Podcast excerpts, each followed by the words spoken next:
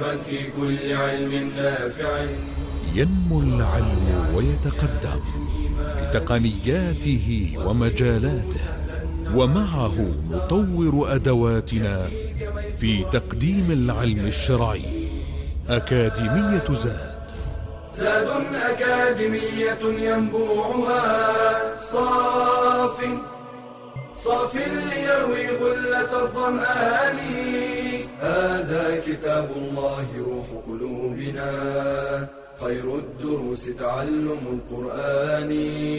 بشرى لنا زاد أكاديمية للعلم كالأزهار في البستان. الحمد لله رب العالمين. أحمده سبحانه وتعالى حمدا كثيرا طيبا مباركا فيه. والصلاة والسلام الأتمان الأكملان على خيرة خلق الله أجمعين.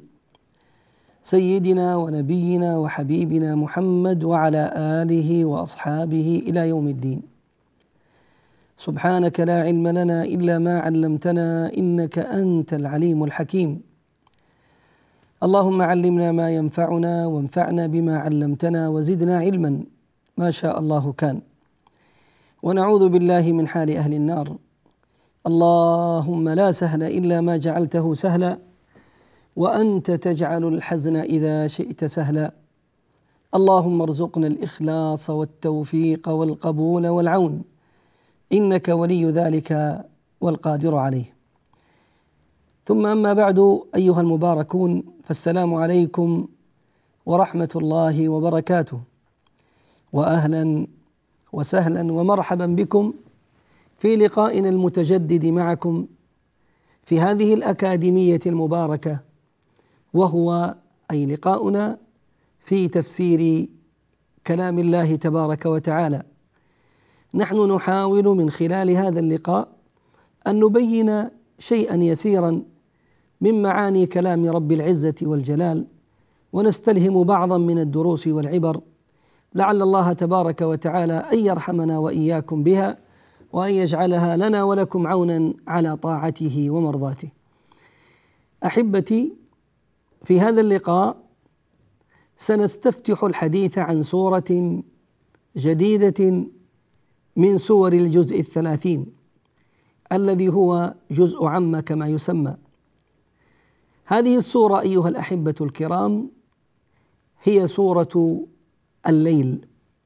هي سورة الليل. وتسمى سورة والليل عند بعض أهل التفسير. وسماها الإمام البخاري رحمه الله كما في صحيحه في بعض تبويبه سماها بسورة والليل إذا يغشى. هذه السورة من السور المكية على الراجح من قولي أو من أقوال أهل التفسير. لأن منهم من قال هي مكية خالصة وهو قول ابن عباس وقول ابن الزبير ومنهم من قال أنها مدنية ومنهم من قال أن بعضها مكي وبعضها مدني. ولكن الناظر في هذه السورة المباركة يرى بوضوح وبجلاء أن خصائص السور المكية يتجلى فيها ويتضح في آياتها فهي على الصحيح من السور المكية الخالصة. كان نزولها كما قال بعض أهل التفسير بعد سورة القدر وقبل سورة القمر فهي على هذا تعتبر السورة التاسعة في نزول السور المكية. السورة التاسعة في نزول السور المكية. عدد آيات هذه السورة المباركة إحدى وعشرين آية وأما كلماتها فواحد وسبعون كلمة وأما حروفها فثلاثمائة وعشر كلمات. ثلاثمائة وعشرة أحرف الكلمات واحد وسبعون كلمة والأحرف ثلاثمائة وعشرة. هذه السورة المباركة ابتدأها الله تبارك وعز وجل ككثير من السور المكية وسور كلام الله تبارك وتعالى بالقسم. ابتدأها الحق تبارك وتعالى بالقسم. أي قسم؟ إنه القسم بمخلوقاته العظيمة التي خلقها تبارك وتعالى. ونكرر ما قلناه سابقا. إذا أقسم الله تبارك وتعالى بأمر فإنه يلفت عز وجل وتبارك وتقدس نظر القارئ ويلفت سمع السامع لكلام الله إلى أن هذا المقسوم به عظيم في ذاته يدل على عظم خالقه ويدل على وحدانية هذا الخالق واستحقاقه وحده لا شريك له ولا رب سواه إلى أن يعبد. وكذلك يؤخذ منه أن لله عز وجل أن يقسم بما شاء من مخلوقاته كما يمنع المخلوق أن يقسم بغير رب العزة والجلال. وذاك حكم الله ذاك حكم الله. فهو عز وجل يحكم ولا يحكم. فالذي أقسم عز وجل بهذه المخلوقات هو الذي قال على لسان رسوله عليه الصلاة والسلام من حلف بغير الله فقد كفر أو أشرك شرع تبارك وتعالى على لسان رسوله الا يقسم إلا بذاته المقدسة فقال صلى الله عليه وسلم من حلف بغير الله فقد كفر أو أشرك قال الله تبارك وتعالى في أول هذه السورة المباركة والليل إذا يغشى القسم الأول الذي يقسم الله تبارك وتعالى به هو الليل. الليل الذي نعرفه ويعرفه العربي الذي نزلت فيه هذه الآيات والذي يراه في كل يوم يراه يتجدد مختلفا مع النهار. إن في اختلاف الليل والنهار لآيات لأولي الألباب وآية لهم الليل نسلخ منه النهار. هذا الليل الذي إذا غشي هذه البسيطة عم بظلامه وسكونه كل شيء عليها. عم بظلامه وسكونه كل شيء عليها. ويحذف الله تبارك وتعالى هنا المفعول للعلم به. والليل إذا يغشى يغشى ماذا؟ يغشى هذه البسيطة أو يغشى هذا النهار الذي كان قبله فكان نهارا مبصرا وإذ به يصبح ليلا دامسا لا يرى أثر من آثار النهار الذي كان قبله. حتى يكاد المرء في بعض الليالي وفي بعض الأحايين من الليل لا يرى يده التي هي قريبة من عينيه. اذا والليل إذا يغشى الليل بظلامه بسكونه بهدوئه بل وبشاعريته بل وبما فيه من نعمة النوم والاسترخاء وهدوء البدن. كل ذلك موجود في هذا الليل العظيم الذي خلقه الله تبارك وتعالى. ولو لم يخلقه وكان الأمر نهارا سرمدا إلى يوم القيامة لعاش الناس في عناء وفي بلاء كبير ولكن رحمة ربك خير مما يجمعون. والليل إذا يغشى ثم قال تبارك وتعالى والنهار إذا تجلى. كذلك يقسم تبارك وتعالى بهذا النهار. إذا تجلى فأزاح ذاك الظلام وجلاها.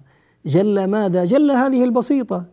فأصبح كل شيء فيه يرى بالعين. كل شيء فيه يرى بالعين قبل لحظات في الليل لم يكن هناك شيء من المرئي. ثم جل الله تبارك وتعالى هذه البسيطة وهذا الكون فأصبح كل شيء فيها مشاهد يراه الإنسان بعينه. وللحديث بقية إن شاء الله بعد الفاصل. بشرى لنا أكاديمية للعلم كالأزهار في البستان.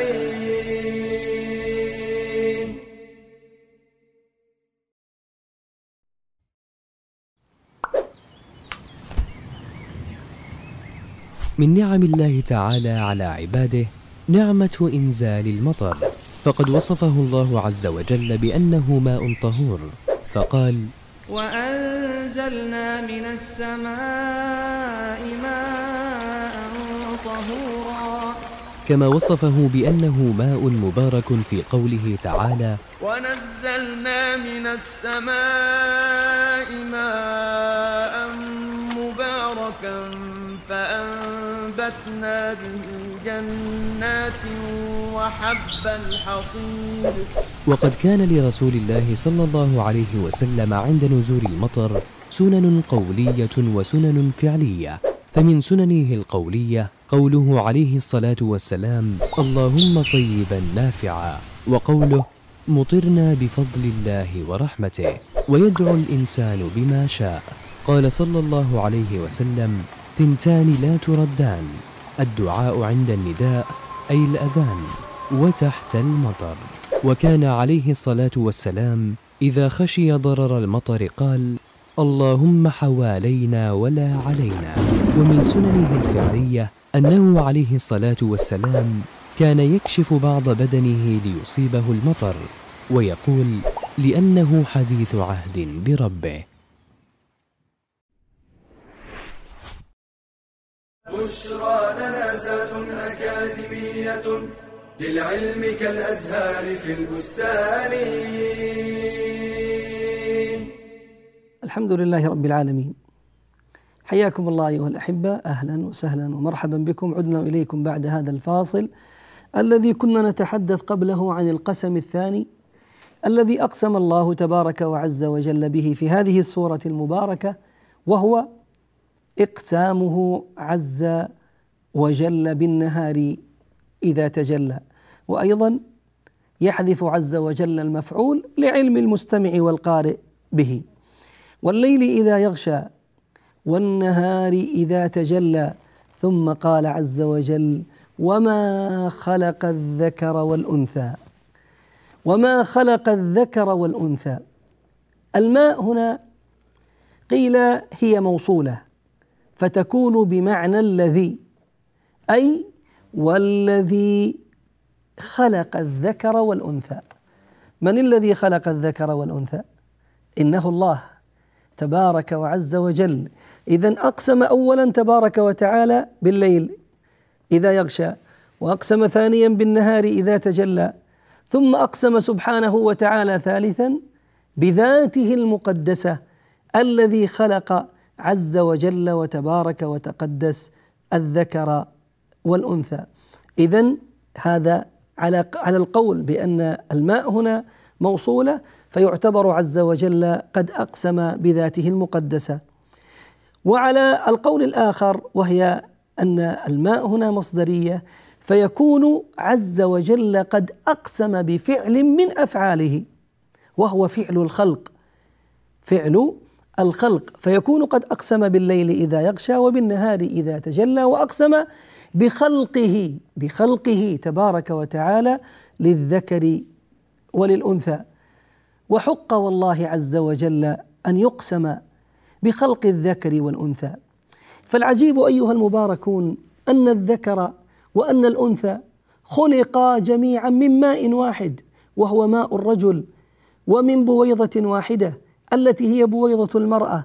ثم مع ذلك مع ذلك سبحان الله العظيم يكون وجود الذكر ووجود الأنثى.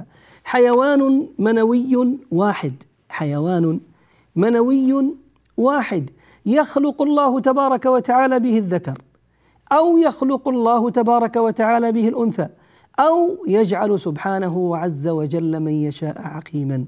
اذا حق والله أن يقسم بعظيم هذا الخلق له تبارك وتعالى في خلقه للذكر والأنثى. وليس هذا في الإنسان فحسب بل في كل مخلوق من مخلوقات الله يوجد فيه ازدواج الذكورية والأنوثية. فيقسم الله عز وجل بخلقه للذكر والأنثى عموما والليل إذا يغشى والنهار إذا تجلى وما خلق الذكر والأنثى جواب القسم. ان سعيكم لشتى. جواب القسم هنا قول الله تبارك وتعالى ان سعيكم لشتى. ان سعيكم ايها المكلفون في هذه الحياة الدنيا لشتى. شتى أي مختلف مفترق. فهناك من يسعى من المكلفين للخير.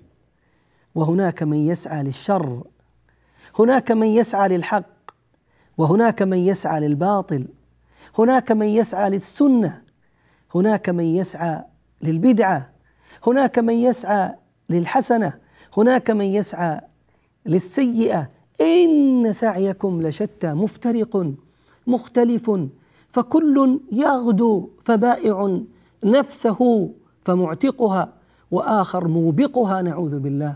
ليس الناس على حال واحدة بل ليس المكلفين من الإنس والجن على حال واحدة. الناس ليسوا سواء فيقسم الله تبارك وتعالى بهذا الأمر العظيم. وهو أمر مشاهد يراه كل واحد منا عيانا بيانا. الذي هو إن سعيكم لشتى إن سعيكم لشتى. وشتى هنا جمع شتيت كما قال بعض أهل العلم مثل مرضى ومريض وجرحى وجريح. اذا هي جمع شتيت أي مختلف ومفترق. أي ربي بين لنا شيئا من هذا الشتيت الذي تذكره. هذا المفترق هذا المختلف من عمل الناس. بينه لنا تبارك وتعالى. فقال عز وجل فأما من أعطى واتقى وصدق بالحسنى فسنيسره لليسرى. اسمعوا يا عباد الله هذا فريق من الفرق المختلفة هذا صنف من الأصناف المختلفة المتفرقة التي يذكرها الله تبارك وتعالى بل ويقسم عليها في هذه السوره المباركة. هذا الفريق هذا الصنف اتسم بثلاث صفات. من حققها في نفسه ذكرا كان أو أنثى نال سعادة الدنيا والآخرة. إي والذي لا إله غيره ولا رب سواه. اسمعوا وعوا. ثلاث صفات فقط. من حققها نال سعادة الدنيا والآخرة. أي ربي ما هي؟ قال فأما من أعطى بذل وقدم هذا المال الذي هو مال الله. مال الله والذي أمر الله عز وجل بتقديمه. فقال وأنفقوا مما لله الذي آتاكم. أعطى هذا المال. فلم يكنزه بل كانت نفسه سخية بذلة. فيها من الخير ما يدعوها إلى الإنفاق في وجوه الخير والبر والإحسان. أعطى هذه الصفة الأولى صفة العطاء. ابتداء من العطاء الواجب الذي أوجبه الله تبارك وتعالى من نفقة الإنسان على نفسه وعلى من يعول من زوجة وأبناء ووالدين وما شابه ذلك إلى ما شابه ذلك من أنواع النفقات الواجبة أيضا من زكاة ونحوها ثم مرورا بالصدقات والعطاءات التي يخرجها العبد لله تبارك وتعالى فأما من أعطى واحدة فكانت نفسه سخية ببذل المال في وجوه الخير. ثانيا قال واتقى. اتقى من؟ اتقى الله عز وجل. اتقى الله تبارك وتعالى. كان من المتقين. بفعله لطاعة الله وبعده عن معصية الله عز وجل. هذه التقوى. التقوى خل الذنوب صغيرها وكبيرها ذاك التقى. واصنع كماش فوق أرض الشوك يحذر ما يرى. سئل أمير المؤمنين عن التقوى فقال للسائل أما تسير في أرض فيها شوك؟ قال بلى. قال فماذا تفعل؟ قال اتقيه قال كذاك التقوى. أنت تسير في هذه الحياة وستجد حدود الله عز وجل والمعاصي التي نهى الله عن قربانها. فاتقي هذه الحرمات واتقي هذه الحدود. اتقي هذه الحرمات واتقي هذه الحدود. اذا أعطى واتقى. الثالثة قال وصدق بالحسنى. ما هي الحسنى؟ قيل الحسنى هي الجنة. للذين أحسنوا الحسنى وزيادة. فالحسنى قيل هي الجنة. وقيل الحسنى هي الخلف. الخلف الذي جعله الله تبارك وعز وجل للمنفقين المتقين.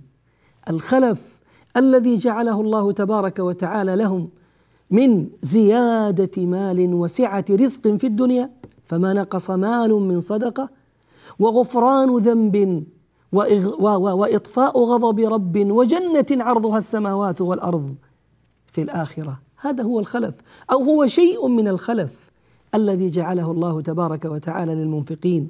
هذا الخلف هو الذي حرك قلوب المؤمنين. هو الذي جعل المؤمن يقدم إقداما لا يتأخر فيه لحظة على بذل الخير في كل وجوهه. هو الذي جعل أبو طلحة الأنصاري لما تأخر رجل عن الصدقة بنخلة قال فيها عليه الصلاة والسلام قال فيها هل لك بنخلة في الجنة بدل هذه النخلة؟ قالها عليه الصلاة والسلام لما تأخر هذا المنافق عياذا بالله في إعطاء المرأة شيء من تمر هذه النخلة أم أيتام. فمنعها أن تأخذ شيئا من تمر تلك النخلة. فجاءت شاكية إلى النبي صلى الله عليه وسلم فاستدعاه فقال له هل لك بدل هذه النخلة بنخلة في الجنة؟ ما الذي حصل؟ من الذي فاز بهذا الثواب؟ بعد الفاصل إن شاء الله سنعرفه. بشرى لنا للعلم كالأزهار في البستان.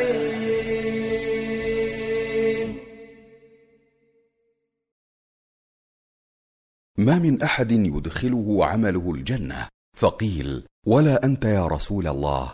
قال ولا أنا إلا أن يتغمدني ربي برحمة. فكل الخلق محتاج إلى رحمة الله فإذا أردت رحمته فخذ بأسبابها. واعمل بموجباتها ومن أعظمها الإيمان بالله. قال تعالى إنه كان فريق من عبادي يقولون يقولون ربنا آمنا فاغفر لنا وارحمنا وأنت خير الراحمين. ومن موجبات رحمة الله الإحسان في العبادة وإتقانها بأن تعبد الله كأنك تراه فإن لم تكن تراه فإنه يراك. والإحسان إلى الخلق والرحمة بالإنسان والحيوان. قال تعالى إن رحمة الله قريب من المحسنين. وقال صلى الله عليه وسلم الراحمون يرحمهم الرحمن. ارحموا من في الأرض يرحمكم من في السماء. ومن موجبات رحمة الله التقوى وهي أن تجعل بينك وبين عذاب الله وقاية وذلك بفعل الطاعات وترك المحرمات. قال تعالى وأطيعوا الله والرسول لعلكم ترحمون. ومنها اتباع القرآن والعمل به والاستماع إليه.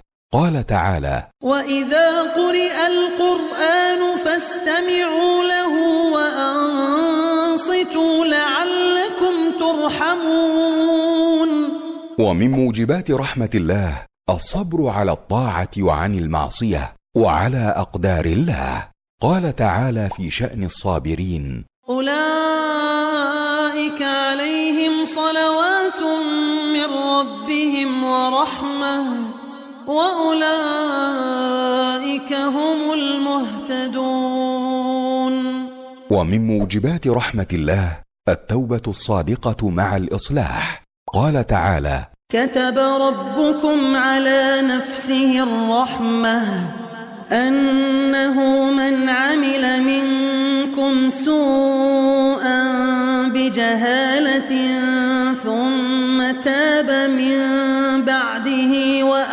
واصلح فأنه غفور رحيم. ومنها الإنفاق في سبيل الله. قال تعالى ومن الأعراب من يؤمن بالله واليوم الآخر ويتخذ ما ينفق قربات عند الله وصلوات الرسول.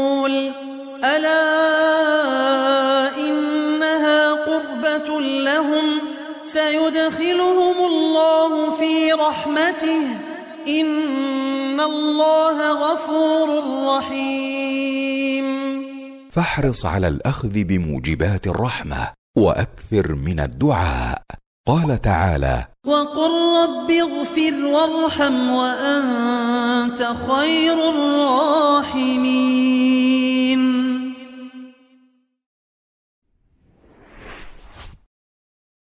بشرى لنا زاد أكاديمية للعلم كالأزهار في البستان.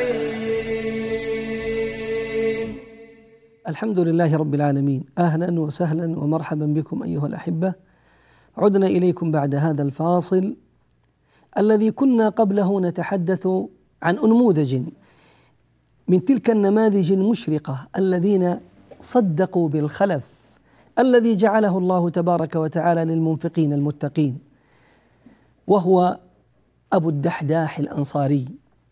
لما سمع أبو الدحداح رضي الله عنه وأرضاه عن قول النبي صلى الله عليه وسلم لذلك الرجل هل لك أن تترك تلك النخلة وأنا كفيل زعيم لك بنخلة في الجنة فأبى؟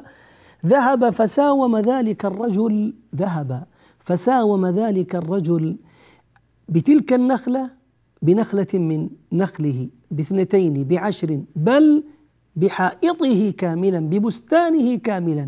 حتى قدم أبو الدحداح بستانه كاملا ونال تلك النخلة وقدمها لرسول الله صلى الله عليه وسلم ليقدمها لأم الأيتام فكان عليه الصلاة والسلام بعد ذلك يمر على تلك النخلة ويقول كم من عذق لأبي الدحداح متدل في الجنة.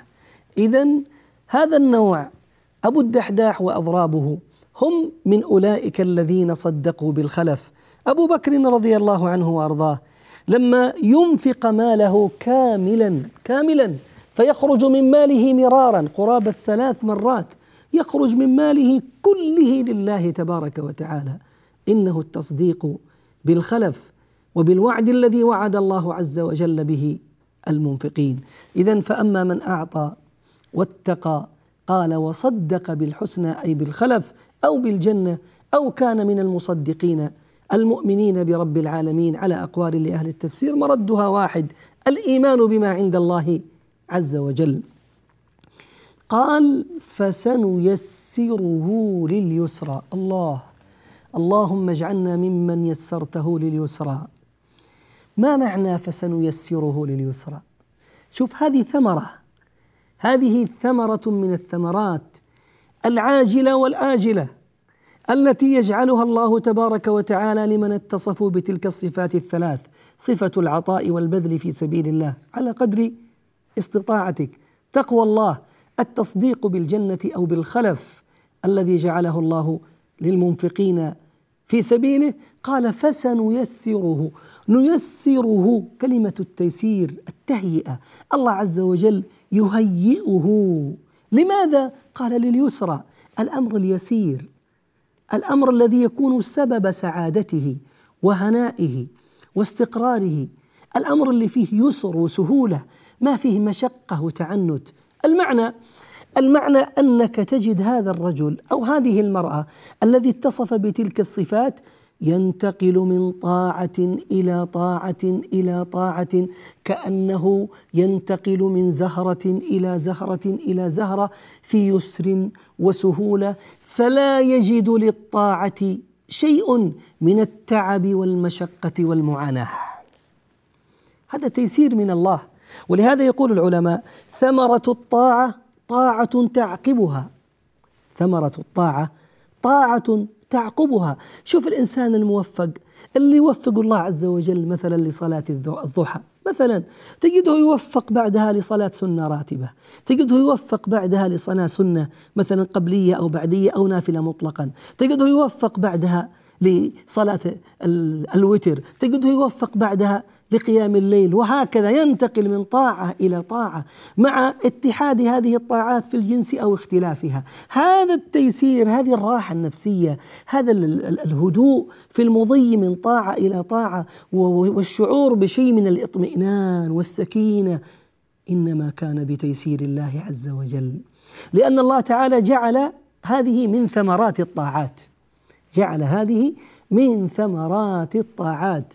فاجتهد عبد الله اجتهد عبد الله وهذه رسالة أبعث بها لنفسي ولإخواني جميعا. كلنا ذاك الذي يجد في نفسه شيء من المشقة وهو يعمل بطاعة من طاعات الله نقول إن الباب لتسهيل هذه الطاعات لتشعر بالهدوء والراحة والاستقرار لتذوق ثمرتها حتى العاجلة وهي التلذذ بهذه الطاعة هو أن تكون من هؤلاء الثلاثة المنفقين المتقين لرب العالمين المؤمنين بهذا الخلف الذي جعله الله عز وجل مصدق بهذا الخلف الذي جعله الله تبارك وتعالى.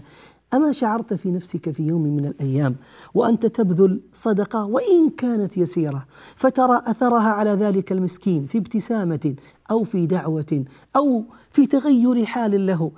أن حالك أن نفسيتك تكاد تفز نفسك من محلها مما أصابها من الخير والفرح والسعادة والاستقرار.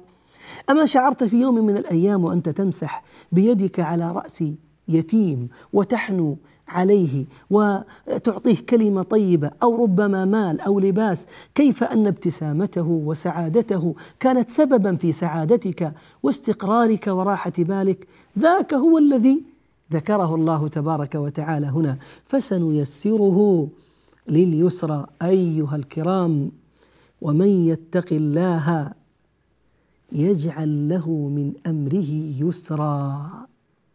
يجعل له من أمره يسرا. هذه التقوى تيسر لك الأمور فتكون في حياتك وإن كنت والله فقيرا وإن كنت والله مريضا وإن كنت والله لا تملك من أمر الدنيا إلا الكفاف. والله ستشعر بهذه هذا التيسير وهذه الراحة وهذا الاستقرار. ولكن كن من هؤلاء. حقق هذه الثلاث على قدر استطاعتك وسترى الأثر بعينك بإذن الله تبارك وتعالى في دنياك قبل أخراك. الفريق الثاني قال الله عز وجل: فسنيسره لليسرى ثم قال: وأما من بخل واستغنى وكذب بالحسنى فسنيسره للعسرى هذا الفريق الثاني أيها المباركون الذي يخبر الله عز وجل به أن الناس متفرقين أنهم شتى. الفريق الثاني فريق عكس الفريق الأول تماما فهو اولا بخيل فلا ينفق في وجوه الخير. ومن يبخل؟ فإنما يبخل عن نفسه. هو في الحقيقة باخل عن هذه النفس لأنه لا يفكها ولا يسعدها ولا يشعرها. بذاك التيسير والاستقرار واليسر ما في. فهو بخيل في الإنفاق في وجوه الخير. بخيل في الإنفاق في وجوه الخير. اثنين استغنى أي استغنى عن عبادة ربه وتقواه. فهو ليس من المتقين. فاستغنى بماله استغنى بجاهه استغنى بقوته استغنى بصحته استغنى بشبابه استغنى بما لديه مما أعطاه الله. استغنى بنعم الله عن الله وعن تقوى الله تبارك وتعالى. استغنى. الثالثة قال وكذب بالحسنى. كذب بالحسنى ترى عكس صدق بالحسنى. ذاك مؤمن بالخلف مصدق به وهذا مكذب به. تقول ترى من أنفق يعوض وما نقص مال من صدقة بل يزيد بل يزيد. يقول لا ما هو بصحيح. إخراج المال وإنفاقه دليل مشاهد على قلة وضعف ونقصان ما بين يديه اذا هو مكذب بالخلف يكذب بهذا الخلف الذي جعله الله تبارك وتعالى أو مكذب بالجنة وما فيها من النعيم المقيم. لأولئك المكذبين لأولئك المتصدقين. اذا وكذب بالحسنى عكس الأول تماما. ما هو واقعه؟ ما هو حاله؟ قال فسنيسره للعسرى. هو ميسر ولكنه للعسرى للأمر الشاق للأمر الصعب الذي هو معصية الله تبارك وتعالى. ولهذا كما أن الثمرة ها كما أن الطاعة عفوا كما أن الطاعة تجلب لك طاعة فتثمر لك عن طاعة فإن المعصية تثمر معصية أخرى نعوذ بالله. تثمر معصية أخرى. فترى المؤمن يتقلب في الطاعات وترى الآخر الذي اتصف بهذه الثلاث الصفات يتقلب ولكن في المعاصي والسيئات. يتقلب ولكن في المعاصي والسيئات.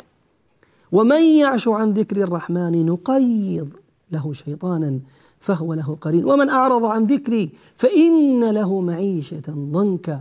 وأما في الآخرة ونحشره يوم القيامة أعمى. إذا هو تيسير ولكنه للأمر العسير للأمر الشاق الذي يتعبه في دنياه ويتعبه في أخراه. طريق أمامكم أيها المباركون. اختر أي الطريقين شئت سعادة الدنيا والآخرة أو شقاء الدنيا والآخرة. إذا فسنيسره للعسرى وما يغني عنه ماله إذا تردى. إذا تردى تردي هو الانقلاب أن يقلب الإنسان على رأسه سواء تردى في قبره فسوي عليه التراب أو تردى في نار جهنم. ما يغني عنه ماله الذي جمعه فلم ينفق به أو لم ينفق منه في وجوه الخير ويبذله في أوجه الطاعات.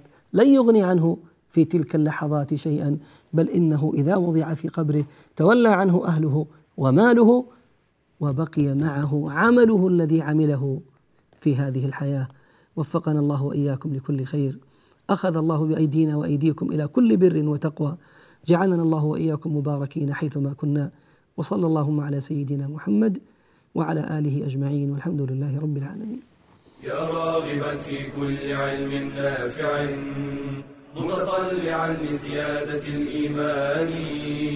وتريد سهلا النوال ميسرا يأتيك ميسورا بأي مكان. زاد زاد أكاديمية ينبوعها. صاف صاف ليروي غلة الظمآن. بشرى لنا بشرى لنا بشرى لنا. زاد أكاديمية للعلم كالأزهار في البستان.